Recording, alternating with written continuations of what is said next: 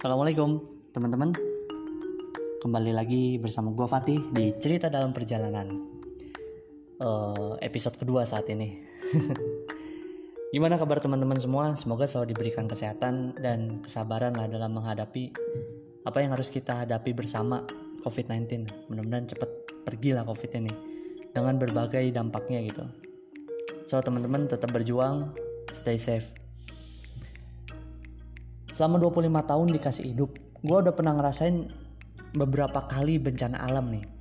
Biasanya gak gue rasain dampaknya secara langsung. Tapi baru kali ini gue ngerasain bencana alam yang dampaknya itu langsung ke gue gitu. Dan lumayan parah. Terus merata ke semua orang di banyak tempat. Ya ini karena COVID-19 ini ya atau orang orang lebih sering sebut itu corona ya. saat ini banyak yang lagi berjuang lah karena corona ini semua kegiatan harus terhenti ya otomatis ekonomi juga berhenti. Dan dampak secara umum memang gue lihat kalau nggak karena kalau sakit kalau nggak sakit ya masalah ekonomi gitu.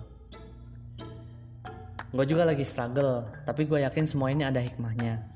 Usaha disiplin saling bantu dan sabar itu adalah kunci utamanya menurut gue ya untuk ngelewatin hal ini. Itu kunci utamanya. Nah teman-teman ngomongin soal bencana nih gue ini ada cerita. Dan inilah yang pengen gue ceritain di episode kedua ini gitu.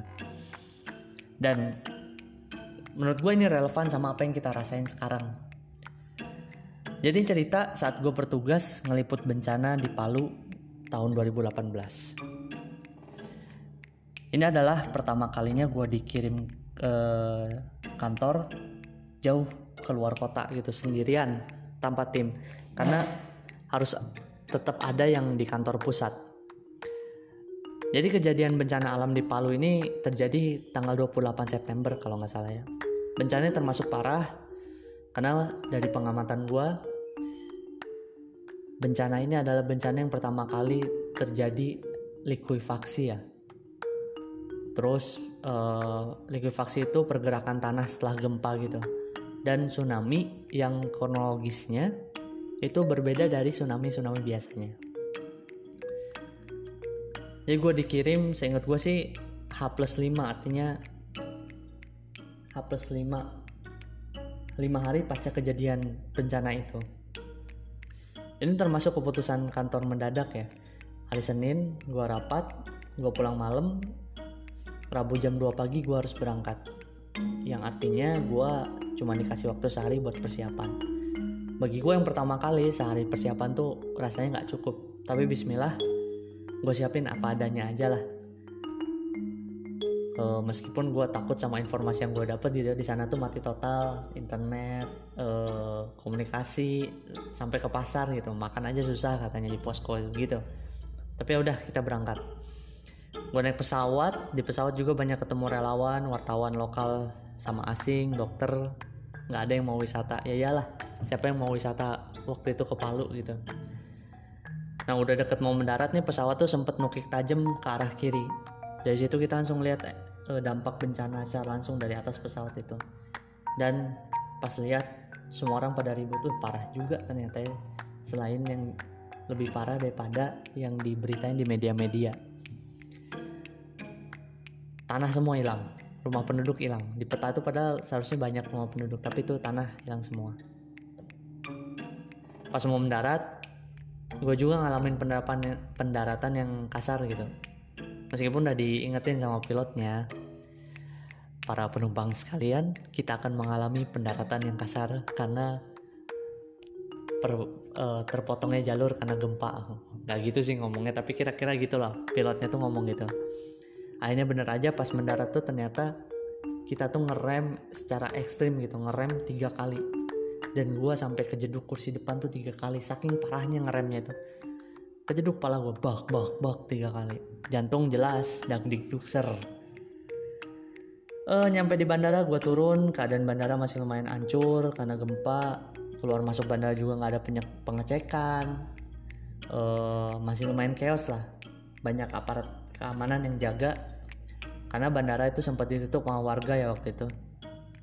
Nyampe sana gue cengok sinyal mati gue belum beli nomor simpati yang ternyata satu-satunya yang bisa dipakai di sana gitu yang lain mati total. Dan gue cuma dapet WA itu pun di Jakarta pas mau berangkat mengenai alamat yang harus gue datengin gitu yang jadi posko gue ya, yang jadi tempat kerja gue di sana. Bingung awalnya tuh cengok kanan kiri. Eh tapi ketemu mobil mobil truk gitu gue nanya boleh nggak gue numpang gue wartawan? Gue bilang gitu ke alamat ini. Oh iya ya udah ikut aja katanya. Ternyata alamat gue itu 3 sampai 4 menit dari bandara artinya nggak terlalu jauh dari bandara. Jalan kaki aja bisa sebenarnya. Ya langsung gue ketemu orang dan gue langsung melakukan liputan langsung. Eh uh, singkat cerita dari pengamatan gue di sana jadi bencana tuh bisa dibagi tiga gitu teman-teman ada di daerah atas, daerah tengah, sama daerah bawah atau pantai. Dan masing-masing daerah itu punya karakteristik dampak bencana yang beda-beda. Kayak di daerah atas, gempa disusul sama likuifaksi. Jadi daerahnya itu bergeser sepanjang 3 sampai 3 km. Eh kayak tanah ngedorong gitu. Jadi kita tuh gerak. Gerak aja si rumah tuh gerak. Hmm, nah, kayak gini lah rumah lu ngegeser tapi nggak ganggu rumah lu. Rumah lu utuh tapi geser tanahnya. Dan di situ memang korbannya nggak banyak gitu. Lalu daerah tengah. Sama kejadiannya juga gempa dan likuifaksi tapi dampaknya ini yang mengerikan. Daerah tengah ini paling parah. Terjadi daerah yang lumayan padat penduduk salah satu kelurahan di kecamatan Palu Barat kota Palu. Namanya tuh Balaroa likuifaksi di sana tuh terjadi bukan cuma terjadi kayak geser tanah kayak daerah atas gitu.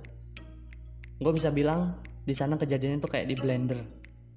Dari bekasnya gue tahu tanahnya muter-muter yang di bawah jadi ke atas yang di atas jadi ke bawah kanan ke kiri kiri ke kanan. Rumah udah pada nggak ada gunduk-gunduk gitu. Jadi kalau orang sana bilang tuh tsunami darat. Nah sampai orang ngomong gitu. Diputer-puter. Gue wawancara gue dapet saksi mata. Ada kejadian paling mengerikan jadi pas pasca gempa itu orang-orang lari ke lapangan gitu. Biasa ya kan ya ngejauhin bangunan. Eh tapi ribuan orang katanya di lapangan itu. Gue nggak tahu lapangan apa. Ternyata di lapangan itu ngebuka masuk semua orang ke dalam tanah terus nutup langsung terus diputer-puter kayak blender. Ya Allah. Dan memang korban paling banyak di daerah tengah ini. Dan terakhir di daerah bawah itu tsunami. Tsunaminya beda. Kenapa gue bilang beda? Kronologisnya itu beda. Biasanya tsunami itu ditandai sama air surut gitu kan. Ternyata enggak. Jadi lagi ada acara banyak di sana gempa orang-orang panik tapi air nggak surut. Tapi apa yang terjadi? Pinggiran pantainya tuh patah. Truk. Dan airnya tuh langsung tumpah tanpa ada air surut gitu tanpa ada tanda-tanda tsunami. Air tumpah. Makanya disebut tsunami itu situ airnya tumpah banyak korban karena lagi ada acara dan nggak bisa lihat tanda-tanda tsunami. Eh uh, teman-teman gue cerita ini tuh bukan dengan maksud membuka luka lama ya. Ini ada cerita yang relevan menurut gue dengan apa yang kita alamin sekarang gitu. Jadi ketika gue ditugasin di sana gue tuh bukan cari cerita gitu bukan cari kronologis untuk nyeritain ngeberitain kronologis bencana bukan. Tapi gue cari kesimpulan masyarakat kenapa bencananya terjadi gitu ada apa di balik itu. Jadi gue wawancara banyak pihak dari warga biasa sampai tokoh agama di sana. Bahkan gue sempet wawancara ke gubernur Sulawesi Tenggara. Sulawesi Tengah Tenggara sih Palu itu. Gue lupa ya sorry kalau salah. Gue menemukan kesimpulan menarik jadi banyak yang mengaitkan bencana di Palu yang terjadi di sana itu sama gara-gara festival pesona Palu Nomoni yang ketiga. Lah kenapa? Jadi ada sebenarnya dalam festival itu ada yang ditolak oleh banyak pihak. Yaitu dalam festival tersebut ada ritual Balia apa itu ritual Balia? Jadi ritual Balia ini di, biasanya dilakukan oleh masyarakat adat yang percaya api. Dapat jadi pengusir penyakit lah gitu. Dalam ritual tersebut uh, ter bisa ngelakuin 10 ritual lah dalam prosesi Balia itu. jadi intinya mah ngasih ngasih sesajen baca mantra terus sajennya tuh dibuang ke laut nah para ulama setempat itu sudah memperingatkan pemerintah kalau ini tuh jangan jangan dilanjutkan gitu. Jadi uh, festival ini tuh diadakan dari tahun 2016 dihidupkan oleh Pak Wali Kota. Nah tapi dari 2016 sudah diingetin sampai ke 2018 tuh nggak digubris. Bahkan sampai ada yang pernah bilang wali kota sampai bilang gini kalau nggak suka ritual ini dilaksanakan ini adat kami. Kalau nggak suka keluar dari kota Palu. Ngomong gitu akhirnya gue wawancara sama ketua MUI di sana. MUI Sulteng. Habib Ali bin Muhammad namanya. Jadi beliau cerita maksiat ini memang kemaksiatan ini memang bukan menjadi rahasia di Palu itu. Dan yang paling besar adalah kemusyrikan atau ritual-ritual dukun yang kayak di prosesi palu festival tersebut gitu. Menurut Habib Ali yang salah tuh bukan festival sebenarnya. Festivalnya tuh bagus memperkenalkan adat-adat tapi yang salah itu adalah kegiatan ada kegiatan ritual balia yang itu tuh mengandung kemusyrikan dan sebenarnya masih banyak ritual lain yang bisa di eh sorry masih banyak ada kegiatan adat yang lain yang bagus untuk dipertontonkan di mata masyarakat gitu. Jadi yang ditentang tuh bukan uh, festivalnya ya, tapi ritual Balia itu. Kenapa? Karena ritual Balia itu caranya gini, sesajennya tuh binatang, ayam, sapi atau kerbau tergantung siapa yang menyel kasta lah, tergantung kasta yang menyelenggarakan prosesi. Itu jadi binatangnya tuh ditombak sebanyak tujuh kali, hidup-hidup kemudian dimasukkan ke laut keadaan hidup-hidup. Ditombak tuh belum tentu mati loh.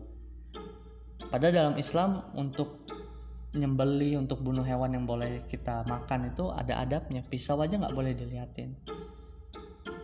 Nah seperti yang gue ceritain tadi pemerintah setempat nggak nggak nggak ngegubris nasihat-nasihat dari tokoh setempat sampai MUI MUI Sulaw, MUI Sultengnya MUI pusatnya di sana itu sampai turun. Ngasih surat resmi. Nggak digubris. Nah ada ada cerita gini teman-teman. Setiap festival itu dilaksanakan dari tahun 2016 setiap ritual itu dilaksanakan pasti ada kejadian uh, fenomena alam yang aneh. Kayak gini pertama tahun 2016 tuh terjadi gempa di daerah Bora, Sigi, dan Biromaru setelah festival. Lalu festival diadakan lagi tahun 2017. Ada terjadi angin kencang dan hujan deras di Talise namanya. Dan sekarang 2018 diadakan. Nah, terjadilah gempa, tsunami dan likuifaksi itu. Nah, festival itu di, dituding mengandung kemusyrikan karena di dalamnya ada ritual balia. Dan itu di, nggak pernah diadakan sampai tahun 2016 itu hanya diadakan oleh Pak Wali Kota namanya Pak Hidayat dan wakil wali kotanya gitu. Sigit Said Purnomo alias Pasha Ungu. Kenal kan nama Pasha Ungu? Nah, itu wakil wali kotanya. Nah, uniknya juga bukan cuman orang yang beragama Islam aja yang nolak ritual itu gitu. Gue sempat ketemu ngobrol sama orang Chinese, agamanya bukan Islam. Dan dia sangat percaya sama mistis. Tapi dia nolak kalau ritual Balia itu diadakan di festival itu. Karena menurutnya ritual Balia itu adalah ritual pribadi untuk nyembuhin orang. Jadi kayak manggil-manggil arwah gitu untuk nyembuhin orang. Dan nggak bisa dipertonton. Kalau dipertontonkan alam marah-marah. Menurut dia gitu. Dia udah ngingetin katanya tapi ya tetap diadakan gitu. Jadi yang terjadi di sana hampir semua warga hampir semua yang gue ajak omong gitu menyebutkan bahwa festival Palu Nomoni ini adalah bencana bencana dan bencana ini disebabkan oleh kemarahan Allah kemarahan Tuhan karena kemusyrikan besar yang dilakukan secara terang-terangan, kesalahan besar yang dilakukan secara terang-terangan. Dan warga rata-rata tuh nyalahkan wali kota yang bersikeras tetap ngelaksanain festival itu, padahal sudah diingetin oleh banyak pihak. Meskipun ya ini beda sama orang waktu ada kejadian itu beda sama orang dari luar Palu ya. Kayak orang Jakarta itu tahu, oh, jangan ngaitkan ini dengan azab Allah, jangan ngaitkan ini dengan kemarahan Tuhan. Ini murni kejadian alam, bla bla bla tapi sebenarnya masyarakat tuh di sana sadar kalau mereka tuh diingatkan dan selama gue di sana memang wali kota tuh nggak berani keluar gitu karena masyarakat marah semua sama beliau sembunyi asli wali kotanya sembunyi warga itu sampai setiap yang gue wawancara saya ini udah nyiapin golok buat menggal kepala tuh orang tuh. Udah banyak korban gara-gara dia. Ada yang ngomong kayak gitu. Nah jadi gini teman-teman. Uh, dalam cerita ini gue dapat pelajaran emang bencana alam ini harus didekati dengan dua hal gitu. Dan dua hal ini nggak bisa dipisahkan. Ini pelajarannya. Yaitu ilmu dunia terus ilmu langit. Jadi gini ilmu dunia ini ini tentang murni tentang kenapa bencana itu terjadi. Kenapa bisa terjadi gitu loh. Bahkan ilmu dunia ini bisa memprediksi akan terjadi bencana apa di suatu daerah itu bisa dengan teknologi yang ada.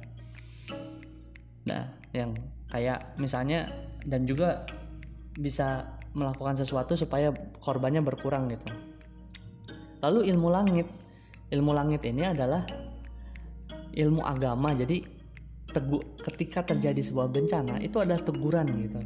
Harus kita berpikir seperti itu. Agar kita ingat bahwa di atas segala ilmu dunia itu Allah masih berkuasa menggerakkan semesta. Semua ilmu pengetahuan yang kita miliki ini terbatas. Bahkan tempat yang nggak pernah dikatakan yang nggak pernah tsunami kayak di Palu itu warga itu pede. Nggak akan terjadi tsunami karena dia teluk. Ternyata terjadi tsunami di sana. Nah kalau tahu ini ilmu langit tuh gini kita harus tawadu, tahu diri, sering muhasabah, introspeksi, dan menyiapkan bekal untuk kehidupan akhirat. Akhirnya harus gitu. Dan kita harus merenung ini pasti ada kesalahan manusia sehingga buat Allah marah. Jadi ini nggak bisa dipisah antara ilmu dunia dan ilmu langit. Kita nggak bisa berpikir sebuah bencana itu terjadi karena ah ini fenomena, alam nggak nggak bisa. Ini pun relevan gitu ya teman-teman kenapa gue cerita ini? Ini relevan sama yang kita rasain sekarang. Kita ngadepin pandemi covid-19 yang udah ba banyak makan korban gitu. Dari situ ini memang murni ke fenomena alam virus gitu. Tapi kita juga harus merenung siapa yang menciptakan virus ini? Karena dalam Islam tidak ada kejadian yang tanpa kehendak Allah. Dan setiap kejadian pasti ada hikmahnya. Dan Allah tuh kenapa sih ngasih kita cobaan ini gitu gue yakin ada banyak hal kerusakan yang kita akibatkan gitu. Dan mungkin gue atau lu pada salah satunya gitu yang udah ngelampauin batas. Lalu Allah marah munculkan virus ini. Karena salah satunya gitu ya kemunculan wabah ini juga tidak bisa dipungkiri karena adanya paham kebebasan gitu. Nggak ada halal haram dalam makan sesuatu melakukan sesuatu asalkan kenyang gitu. Karena alasannya perkembangan zaman lah dan lebih parahnya lagi ngerendahin syariat Islam. Udah banyak orang-orang ngerendahin syariat Islam maka Allah marah. Di, gitulah. Tapi teman-teman dalam Islam ini memang musibah ini buat orang yang beriman ya ini adalah kesabaran. Dan bagi orang-orang yang nggak beriman atau kurang beriman ini musibah peringatan gitu supaya kita balik ke Allah segera sadar. So kita harus bersabar ngelewatin ini semua namun kita juga wajib untuk introspeksi kesalahan-kesalahan kita. Dan ini untuk kebaikan semua orang. Eh menurut gue ini juga saatnya kita lebih dekat sama sang pencipta gitu. Siapa tahu juga banyak kewajiban yang kita lewatin, makanya Allah marah. Tapi teman-teman bukan berarti kita lupa sama protokol kesehatan yang harus kita lewatin ya. Jaga kebersihan, tetap di rumah kalau tidak ada yang penting, dan saling merekatkan persaudaraan. Ini penting, saling merekatkan persaudaraan saat ini banyak yang butuh bantuan. Mungkin juga tetangga kita yang paling dekat harus kita tengok gitu. Stay safe ya everyone. Gitu aja. Gue Fatih. Di cerita dalam perjalanan. Nanti kita ketemu lagi di episode selanjutnya. Assalamualaikum